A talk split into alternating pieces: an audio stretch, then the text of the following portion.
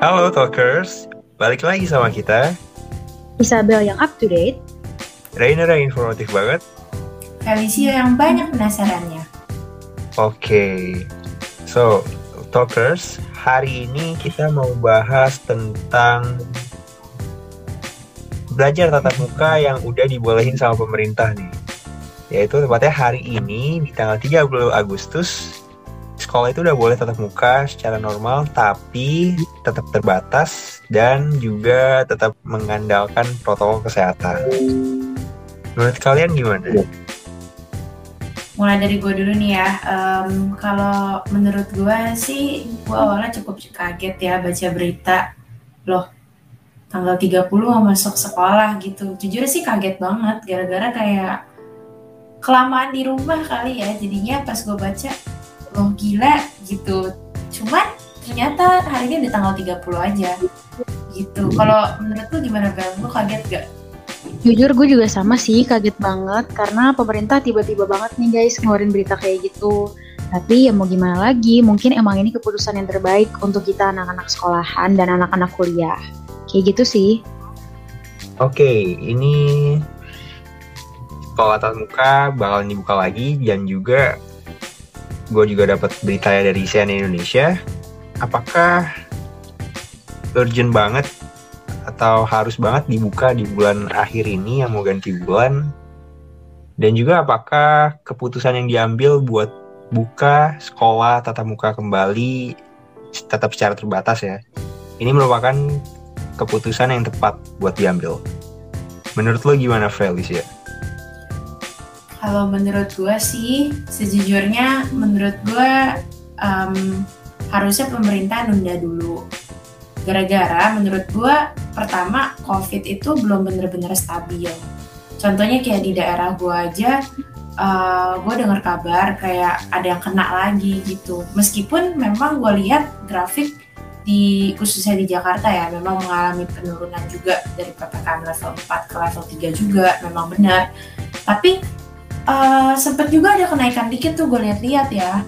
Terus gue bisa melihat kalau kayaknya banyak orang udah merasa COVID kayak udah hilang gitu. Banyak yang udah lumayan abai sama prokes prokes lagi ya. Jadi gue rada khawatir dengan diberlakukannya kembali peraturan ini anak-anak diwajibin ke sekolah lagi meskipun secara terbatas bisa-bisa um, COVID meledak lagi gara-gara pastinya nanti bakal menambah mobilitas penduduk gitu kan.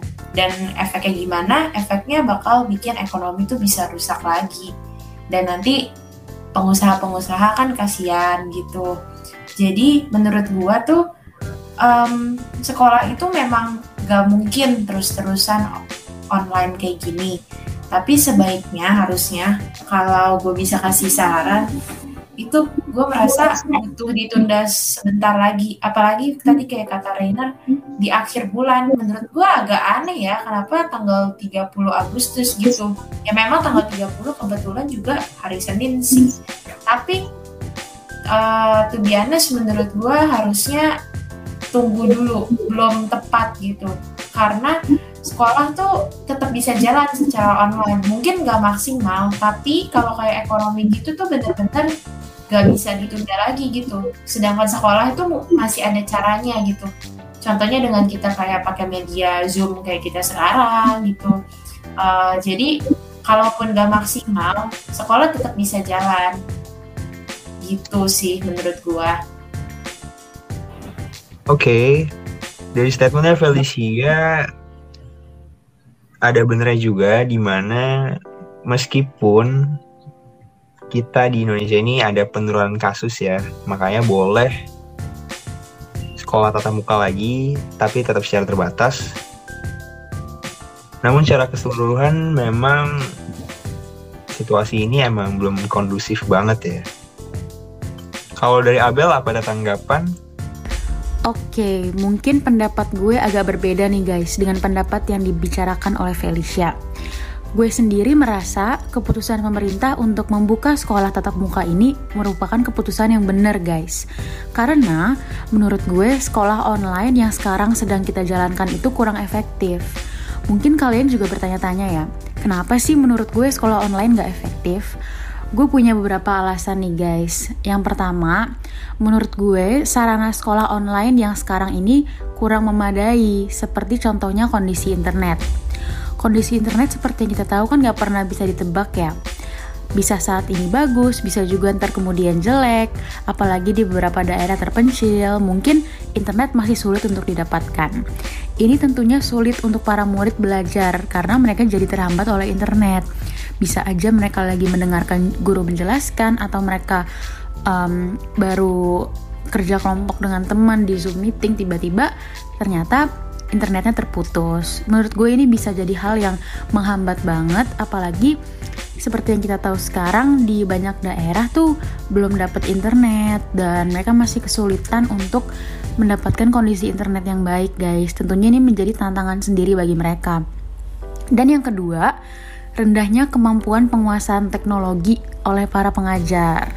Nah, menurut gue, walaupun kita udah satu setengah tahun uh, sekolah online yang tentunya para guru-guru juga udah belajar untuk mengerti dan menjalankan teknologi digital, tapi menurut gue mereka masih harus dilatih lagi karena um, mereka ini belum maksimal guys dalam menjalankan aplikasi-aplikasi kayak aplikasi Zoom, Google Meeting dan lain-lain. Apalagi kalau mereka juga harus connect ke WiFi dan lain-lain kayak gitu. Menurut gue ini tantangan tersendiri untuk mereka dan uh, menurut gue ini menjadi salah satu penyebab kenapa sekolah online gak efektif. Dan yang ketiga, yang mungkin nantinya akan kita bahas lebih lanjut, yaitu menurut gue sekolah online meningkatkan terjadinya learning loss. Nah mungkin kalian juga pengen tahu apa sih learning loss? Sesuai yang tertulis di antara news.com, learning loss adalah situasi ketika peserta didik tidak memperoleh pembelajaran yang optimal sehingga berakibat pada kemunduran akademis dan non-akademis. Nah, jadi, sekolah online ini bisa menyebabkan adanya learning loss atau kemunduran secara akademis. Pastinya di luar sana banyak banget murid-murid atau mahasiswa-mahasiswi yang merasa mereka mundur secara akademik atau secara perlahan mereka mulai kehilangan semangat untuk belajar. Nah, menurut gue, sekolah tatap muka ini harus segera dilaksanakan supaya kasus-kasus learning loss ini gak semakin banyak, guys. Kalau menurut gue gitu aja sih. Well, bener banget juga. Gue nggak mengatakan pendapatnya si Isabel itu salah ya. Karena ya apa yang dia barusan omongin itu juga benar.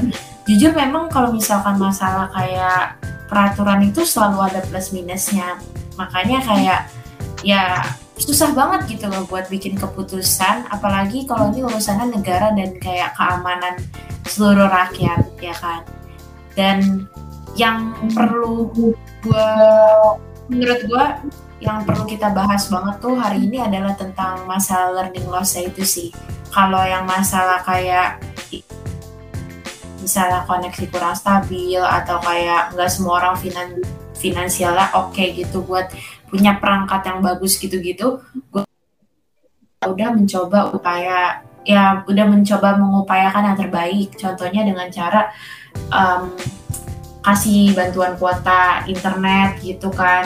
Dan masih berjalan sampai sekarang which is good.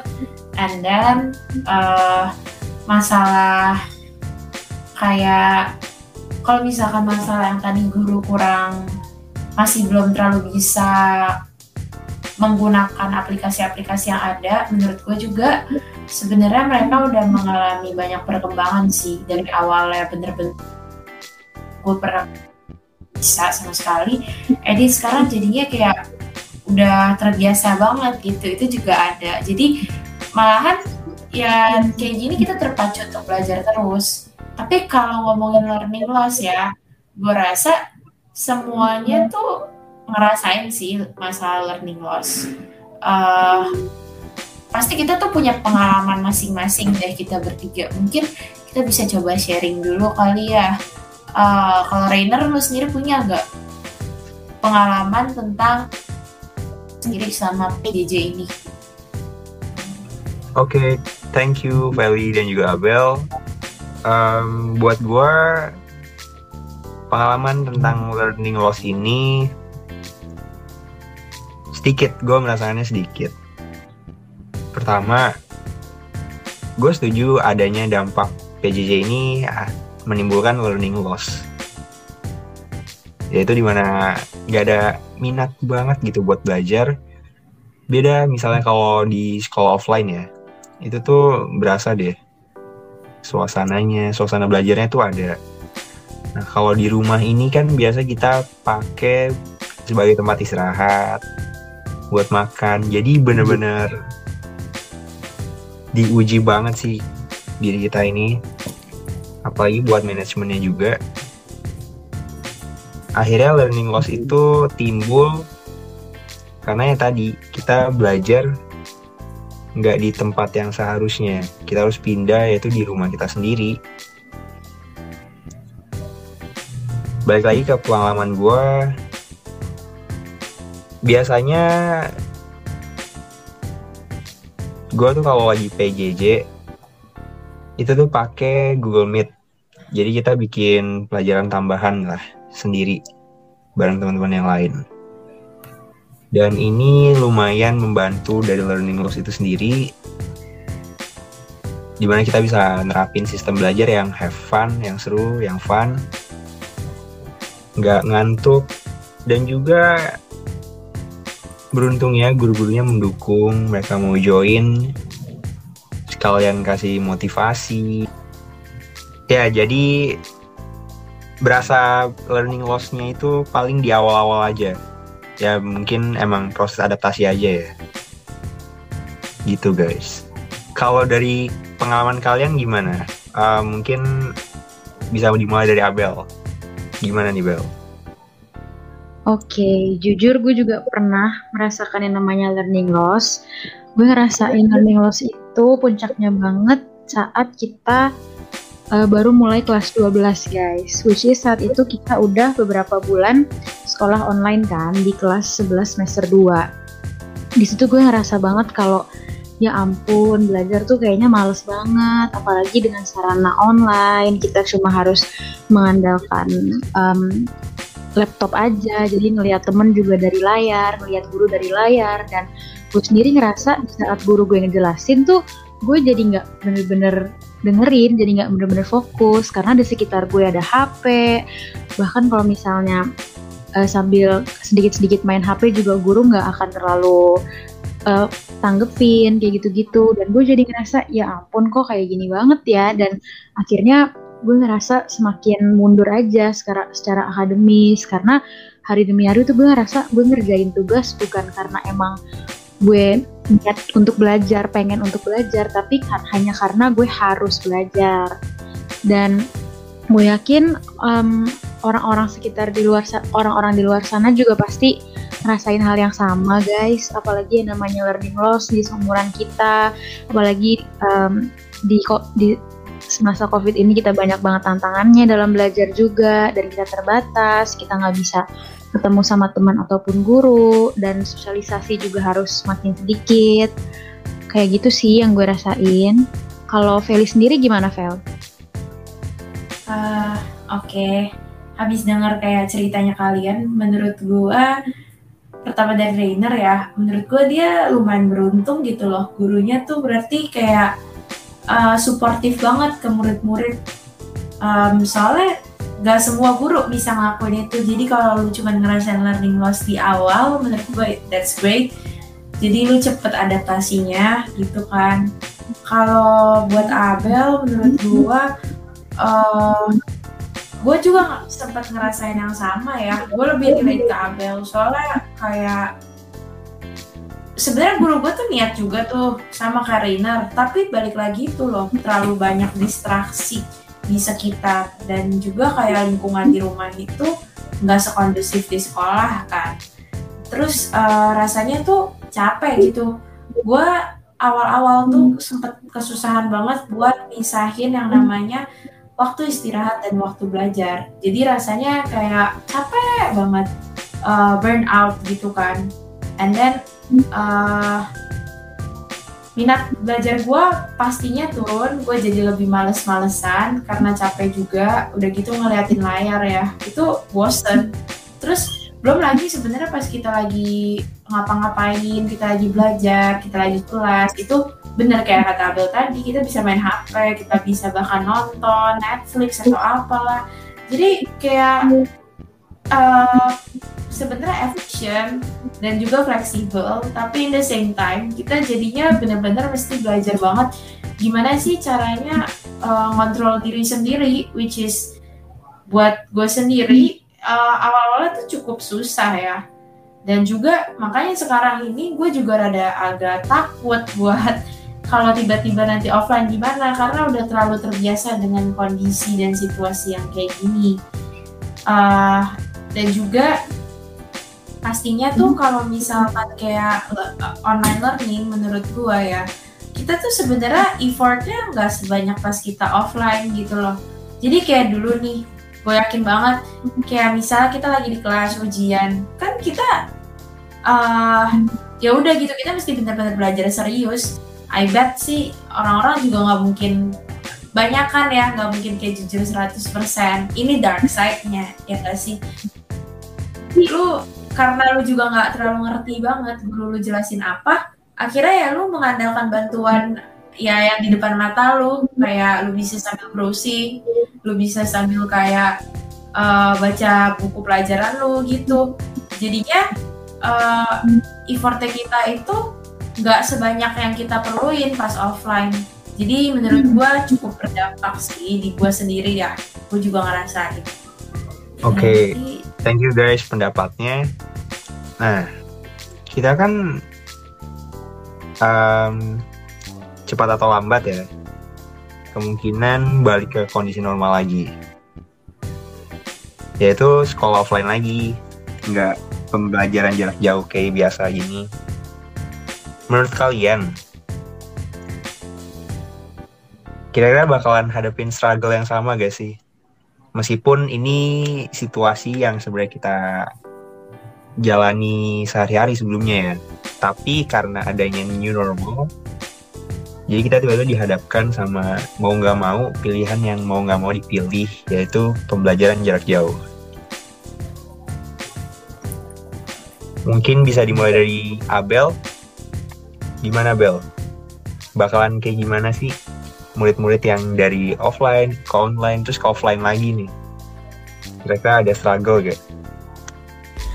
Oke, menurut gue Tentunya di saat nanti para murid atau para mahasiswa mau mulai sekolah dan kuliah tatap muka lagi, pastinya kita semua mengalami struggle sih guys.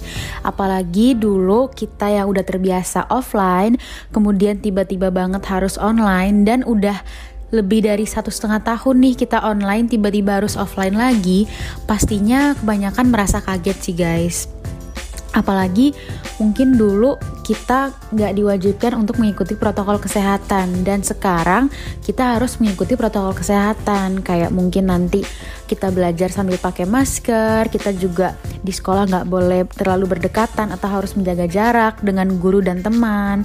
Mungkin kita juga nanti um, diwajibkan setiap beberapa waktu sekali harus mencuci tangan dan kita yang pastinya harus menjaga kebersihan lingkungan belajar kita, tempat belajar kita dan juga alat-alat belajar kita. Tentunya ini akan membawa sebuah struggle yang besar sih guys bagi anak-anak yang nantinya akan tetap muka. Apalagi mungkin dulu kita bisa dengan leluasa aja gitu ngobrol sama teman, ngobrol sama guru, bisa uh, saat istirahat juga bisa berkerumun dan mungkin sekarang udah nggak bisa lagi. Entah bagaimana caranya pastinya nanti udah ada ketentuan-ketentuan juga dalam sekolah, mungkin saat istirahat atau mungkin saat belajar ada uh, protokol yang harus diikutin. Tentunya ini akan menjadi sebuah tantangan juga sih, tantangan yang baru ya lebih tepatnya.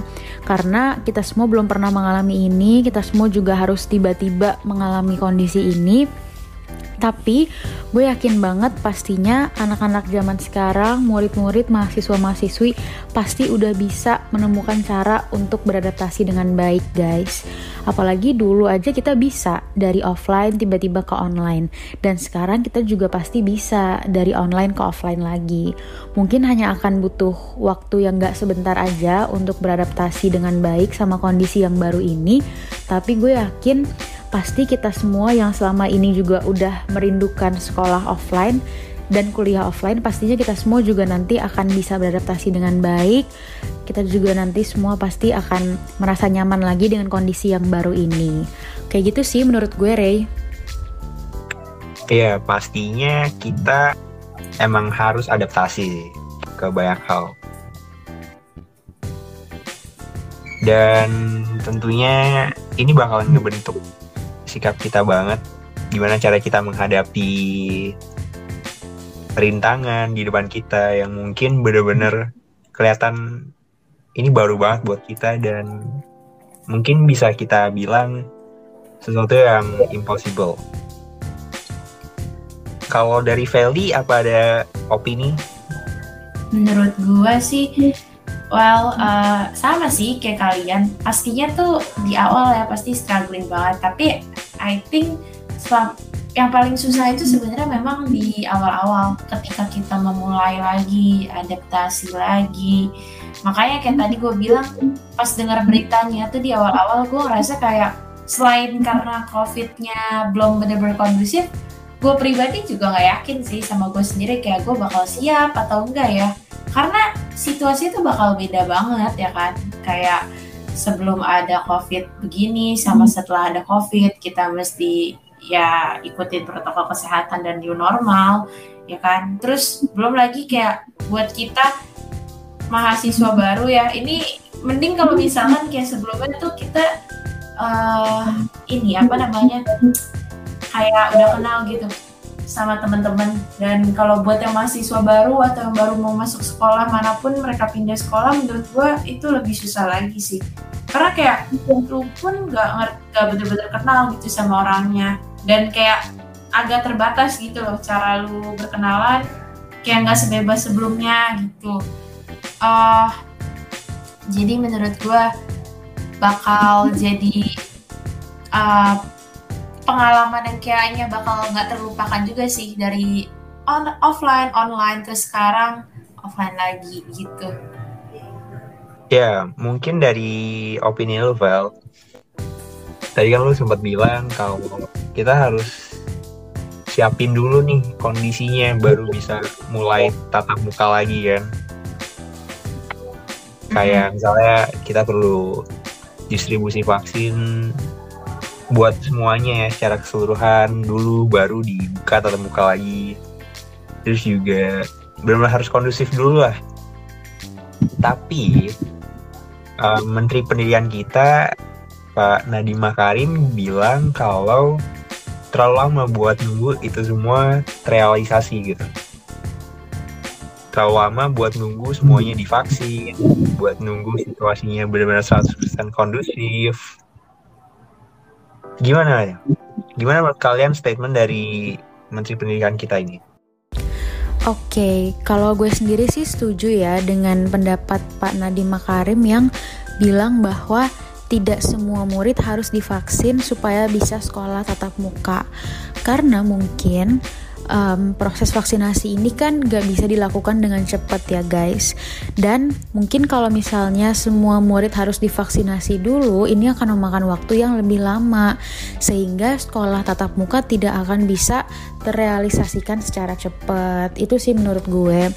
Dan pastinya sekolah tatap muka ini juga udah dipersiapkan semaksimal mungkin oleh pemerintah dan oleh para tenaga pendidikan. Mereka juga pasti udah mempersiapkan lingkungan sekolahnya, mempersiapkan para tenaga pengajar, dan menurut gue ini udah lumayan cukup untuk pemerintah mempersiapkan sekolah tatap muka.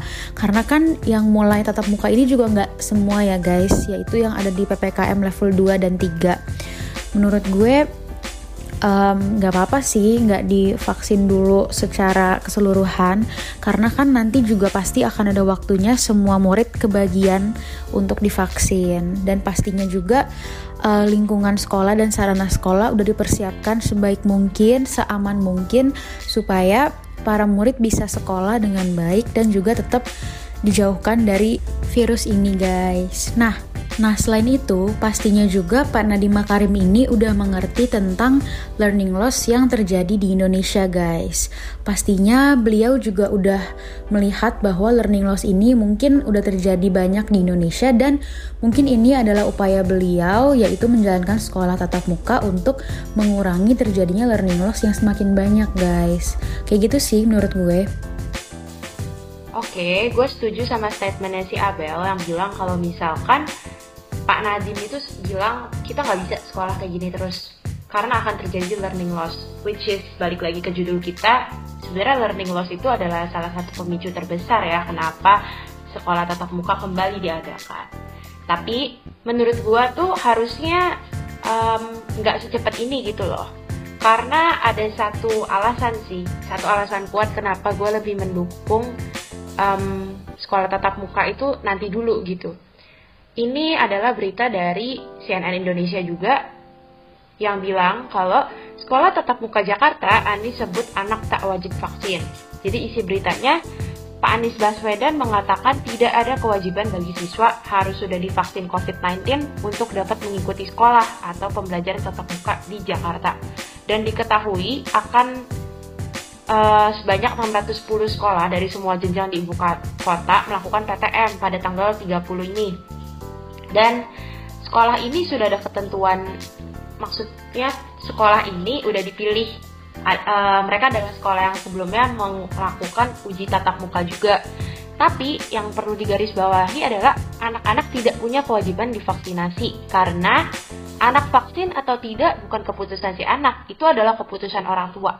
Anak-anak yang belum vaksin biasanya adalah orang tuanya yang tidak izinkan, gitu katanya Pak uh, Pak Anies ini. Jadi katanya apabila mereka tidak boleh sekolah karena orang tuanya tidak izinkan vaksin, maka mereka seperti kena hukum dua kali. Sekali dilarang vaksin, lalu kedua dilarang sekolah. Maka mereka harusnya diizinkan sekolah. Dan katanya um, 85% guru sudah divaksin di um, ya ini di sekolah yang akan dilakukan pembelajaran tatap muka pada Senin hari ini ini. Nah, ini katanya 15% sisanya itu adalah mereka yang memiliki komorbid atau penyintas COVID-19 gitu. Jadi katanya 610 sekolah ini telah melewati verifikasi pada proses asesmen beberapa bulan lalu.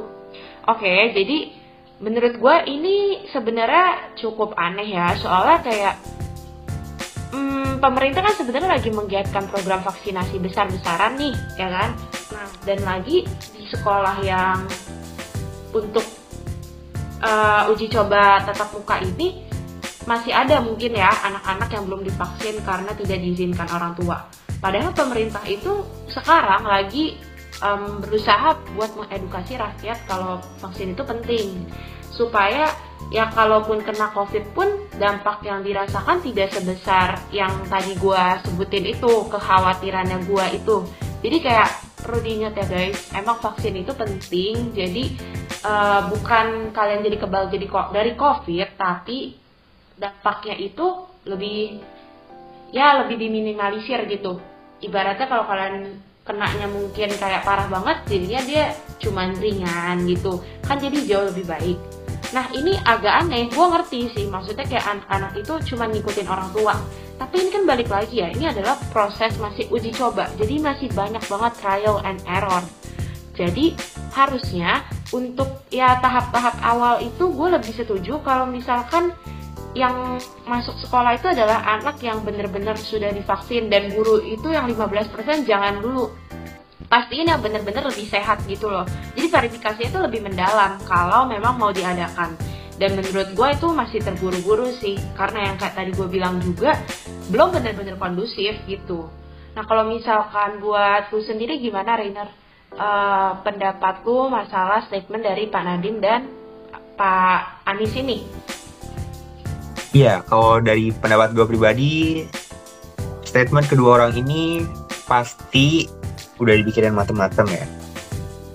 Mulai dari pembukaan sekolah tatap muka lagi secara terbatas, dan pastinya itu juga udah dipikirin matang-matang sekolah-sekolah yang dipilih juga merupakan sekolah-sekolah yang sebelumnya pernah sekolah tatap muka kayak gini secara terbatas dan tentunya menaati protokol kesehatan. Kemudian salah satu kebijakan yang menurut gue bagus yaitu ventilasi udara harus bagus di situ. Jadi sirkulasi udara di sekolah itu tentunya dipilih yang emang menjamin sirkulasinya tuh lancar. Karena kita tahu ya, penularan dari COVID-19 ini tuh salah satunya dari droplets. Jadi bisa dicegah atau dikurangi dengan cara sirkulasi udara yang baik dan juga pemakaian masker serta jaga jarak. Dan juga statement dari Pak Anies di mana keputusan untuk murid-murid sekolah buat sekolah lagi secara tatap muka itu diberi kebebasan untuk para orang tua memberi keputusan setuju atau enggak setujunya nih. Kenapa putus lagi ya? Enggak, enggak. Tadi ada suara apa? Gue kira Ada suara apa ya? Suara itu tadi suara gue nggak sengaja keseret kursi itu. Iya. Ah, keseret kursi. Eh, bukan keseret kursi, maksudnya gue nyeret kursinya. Ah, ah, ah. Kocak. Oke, Ray. Juga dari statement Pak Anies Baswedan, di mana ya memberi kebebasan ya buat orang tua murid buat ngambil keputusan boleh atau enggaknya anak mereka mengikuti pembelajaran secara normal, secara offline tatap muka di sekolah. Tentunya terbatas dan menaati protokol kesehatan. Jadi keputusan yang diambil ini bisa jadi menimbulkan pro dan kontra dari masing-masing statement kayak yang sebelumnya gue baru bahas juga menurut gue peraturannya itu sedikit aneh ya kan? Tapi ya balik lagi gue ini kan cuma rakyat biasa jadi hanya memberikan opini. Gue rasa pemerintah juga udah berpikir dari berbagai aspek dan kayak mencoba membuat keputusan terbaik untuk kita semua. Jadi kita gue sebagai rakyat pribadi yang nggak bisa ngapa-ngapain selain mengikuti arahan dari pemerintah ini. Dan gue mohon maaf kalau misalkan uh, pendapat gue ini mungkin nggak disetujuin orang atau gimana gitu. Tapi ya uh, I'm just stating my opinion. Kalau menurut gue harusnya dipertimbangkan lagi dan sebagainya. Also kan ini katanya pembelajaran tatap mukanya ini masih uji coba ya guys. Jadi 600an sekolah tuh dari sekolah di Jakarta aja ada ribuan nih. Uh, we're speaking buat Jakarta ya. Gue nggak tahu kalau se Indonesia tuh banyak banget berarti kan. Nah um, gue rasa it still needs time lah. Mungkin seenggaknya semester depan kalau kayak semuanya berjalan kembali dengan normal. Jadi kayak butuh waktu bertahap. Jadi untuk semua teman-teman balik lagi ke sekolah dan kampus itu really needs time dan bakal masih ada prosesnya. Um, lebih baik sekarang gue pengen minta Abel buat sharing sedikit kira-kira gimana sih caranya buat ngatasin learning loss itu sendiri. Mungkin kita ada tips yang bisa dibagiin buat teman-teman dalam waktu ya beberapa bulan ini lagi sebelum semuanya kembali ke offline. Ya gimana caranya buat tetap stay produktif dan um, menghindari atau mengatasi yang namanya learning loss itu sendiri. Silahkan Mbak. Oke okay guys, kita bertiga pastinya udah pernah nih mengalami yang namanya learning loss dan kita bertiga punya tips tersendiri dalam menghadapi hal itu. Kalau dari gue, tips pertama adalah coba untuk ganti suasana atau kondisi belajar kalian. Karena menurut gue suasana atau kondisi belajar itu sangat mempengaruhi, sangat amat mempengaruhi yang namanya semangat belajar kalian guys. Contohnya gue dulu sering banget ngerasa males dan bosen belajar karena setiap hari gue cuma belajar di meja belajar gue doang. Karena setiap hari gue cuma ngeliatin laptop, ngeliatin buku-buku, dan itu membuat gue bosen sehingga gue tuh belajar gak semangat lagi. Kalian bisa banget untuk coba uh, mengganti suasana belajar kalian kayak misalnya dari meja belajar kalian, kalian coba untuk tata ulang barang-barangnya atau kalian uh, coba pindahin ke lokasi yang beda kayak dari posisi kamar kalian juga kalian tata ulang meja belajar kalian kursinya dan lain-lain. Atau kalian juga bisa banget untuk coba uh, mengganti alat-alat belajar kalian guys. Kayak alat tulis kalian buku-buku kalian. Karena kalau dari gue sendiri itu sangat mempengaruhi sih ke suasana belajar. Kalau misalnya gue udah mulai boring pasti gue mulai untuk cari alat tulis yang baru atau kayak uh, kertas binder sekedar kertas binder aja yang mungkin warnanya bisa beda-beda. Menurut gue itu ngebantu banget sih. Menurut gue itu bisa bangkitin semangat kalian kalau emang kalian kayak baru ngeliat uh, kondisi yang baru atau alat-alat belajar yang baru kayak gitu sih. Kalau dari gue itu uh, it works for me dan mungkin kalian juga bisa coba. Oke, jadi selain tips dari Abel tentang suasana belajar harus diubah supaya lebih kondusif segala macam ya kan, supaya ya lebih fun gitu. Dan kita nerimanya lebih enak ya kan. Uh, menurut gua cara lain yang menurut gue cukup krusial ya dan gue praktekin sendiri adalah memisahkan tempat belajar atau tempat kerja kita dengan um, tempat istirahat.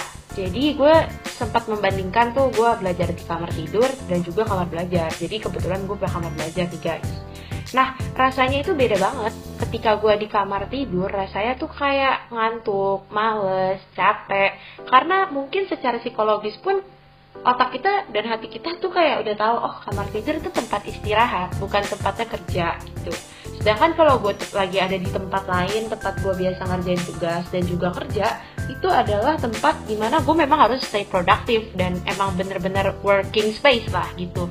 Jadi otak gue juga di sana pastinya bekerja lebih optimal sih. Jadi rasanya kayak lebih fresh gitu. Itu bener-bener mesti dilakuin loh guys soalnya biar kayak ada border antara ketika kita lagi kerja ataupun kita lagi istirahat. Soalnya kayak tadi gue bilang tuh ya, kadang tuh gak enaknya online learning tuh abu-abu rasanya. We we say we think it's flexible ya kan guys, tapi pas dijalanin rasanya malah kayak lo kok kayak kerja terus ngerti gak sih? Ya gitu jadinya. Menurut gue uh, kalian mesti banget coba tips ini. Nextnya juga menurut gue penting banget yaitu time management sih. Belajar time management banget ketika kalian tuh lagi online learning. Jadi kalian harus bikin schedule yang benar supaya ya merasakan perbedaan antara waktu istirahat dan juga waktu di mana kalian tuh harus beneran kerja gitu. Jadinya ngerasanya ya bener-bener ada waktunya gitu. Seakan-akan kayak kita tuh sekolah beneran. Dan apalagi tuh sebentar lagi kita mau sekolah. Jadi ini harus banget buat hmm, kalian lakuin gitu sedini mungkin supaya nanti ketika balik lagi ke new normal kita masuk lagi ke sekolah dan kampus itu nggak ngerasa kaget gitu. Kita jadi bisa ngelaku, ngikutin gitu. Kita bisa adaptasi. Oke maaf guys ribet. Um, jadi ya kira-kira sih kalau dari gue tipsnya kayak gitu. Uh, mungkin teman kita Rainer mau nambahin dia harusnya punya tips tambahan lagi yang pastinya berguna banget buat kalian juga. Oke, okay, kalau dari gue mungkin misalnya pas lagi belajar ya. Kadang kita kalau belajar tuh um, diforsir gitu ya. Biar soalnya kalau mungkin kita anggap kalau kita stop nih bisa-bisa kita ke distraction dengan ke distract dengan hal-hal lain misalnya dari HP apalagi kita udah apalagi kita belajar secara online pasti sering banget pakai device HP laptop. Kalau belajar secara ya kayak gitu ya. Nah tentunya ada namanya teknik belajar. Itu disebutnya teknik Pomodoro di situ kita bakalan belajar pakai sistem ya. Di mana kita 30 menit belajar intens fokus benar fokus benar belajar. Pokoknya kita fokusin 100% ke pembelajaran kita. Kemudian 5 sampai 10 menit setelahnya kita take a rest kita boleh minum boleh ya ngapain aja lah. Boleh ngobrol yang penting kita nggak belajar di jam-jam istirahat itu supaya tujuannya tuh biar otak kita tuh relax kemudian pas belajar di jam di menit berikutnya setelah rest tadi otak kita bakalan lebih efektif buat ambil materi yang kita lagi pelajarin gitu. Habis itu juga ini mungkin subjektif ya. Kalau belajar gue tuh kalau belajar siang ke sore tuh ngantuk. Jadi biasanya belajarnya tuh malam, habis itu dilanjutin subuh gitu. Pas malam tuh biasanya habis ya di jam-jam yang jam-jam kondusif lah. Kemudian ini caranya menurut gue subjektif juga. Di mana kalau gue belajar tuh biasanya uh, siang ke sore tuh ngantuk banget, gampang banget ke distract. Kalau belajar di jam itu tuh nggak ada yang masuk gitu. Jadi biasanya gue pakai jam belajar itu di jam-jam malam sama subuh lanjut di subuh ya di jam-jam malam tuh biasa di jam-jam yang kondusif mulai hening lah buat gue sih itu enak banget buat belajar apalagi sambil dengerin lagu dari gue sih kayak gitu ya Abel, Feli, ada tambahan? Abel tuh kayak mau tuh Mungkin gue pengen nambahin aja sih guys Satu tips terakhir yang gak boleh kelewatan nih yaitu kalian harus banget istirahat yang cukup guys. Anjir, maaf guys. Yes, yes, Enggak meledak kan itu? Meledak? Hah? Kok meledak? Itu apa sih? Itu suara telepon rumah gue. Iya, oh, iya. Emang kirain apa gila? meledak. belum. Gue juga kaget sih, kok dia nanya meledak. Sana, Oh. Oke, Benar, benar. Oke guys, mungkin gue pengen nambahin aja nih tips terakhir yang gak boleh kelewatan. Yaitu harus banget istirahat yang cukup guys. Seperti yang kita tahu, belajar itu butuh banget tenaga dan fokus. Kalau misalnya kalian spend terlalu banyak waktu untuk belajar, nantinya kalian juga nggak akan efektif belajarnya guys. Balik lagi, kalau kalian nggak istirahat yang cukup, yang ada kalian hanya akan buang-buang waktu aja belajarnya. Jadi kalian harus banget manage waktu untuk sempat istirahat, tidur juga kalau bisa 8 jam. Yang menurut gue itu penting banget sih waktu istirahat dan waktu tidur karena um, istirahat dan tidur yang cukup itu bisa nantinya membuat otak kalian untuk bisa lebih optimal lagi saat belajar. Kayak gitu juga. Kayak gitu aja sih Ray kalau dari gue. Hmm. Nah, talkers juga udah pada denger kan kayak Abel, Rainer, baik dan juga gue tuh udah ngasih beberapa tips yang pastinya bakal ngebantuin kalian untuk menghadapi learning loss ini. Dan menurut gue tips-tips dari kita semua itu uh, pastinya bakal efektif banget dan harus kalian cobain dan aplikasikan dalam kehidupan kalian. Oke, jadi kesimpulannya belajar secara offline um, di sekolah itu emang lebih seru ya. Kita bisa ketemu langsung sama teman bisa ngobrol bisa spend time bareng-bareng bisa bercanda-canda. Kita juga bisa langsung nanya sama ke guru ya face to face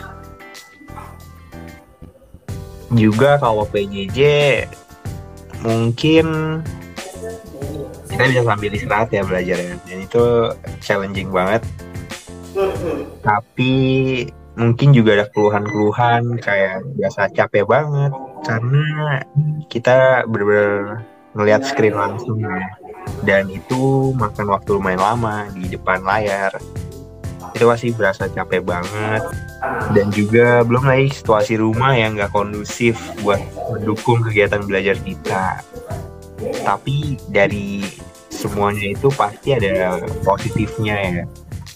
Di mana kalau kita secara online pembelajaran jarak jauh ini kita bisa berkarya dari rumah. Kita bisa kualitas sama orang-orang di rumah. Kita juga bisa spend waktu yang lebih buat ngelakuin minat kita buat ngelakuin hobi kita. Jadi meskipun ada banyak ketidakjelasan, ketidak enakan dalam situasi sekarang yang belum memungkinkan atau belum jelas nih mau kayak gimana ke depannya pasti tetap ada sisi positif ya. So stay full and talkative supaya kita bisa terus mau belajar terus mau memperbaiki kesalahan kita dan supaya kita bisa menghasilkan ide-ide berikutnya stay tuned and see you on the next podcast Ya guys. Bye guys.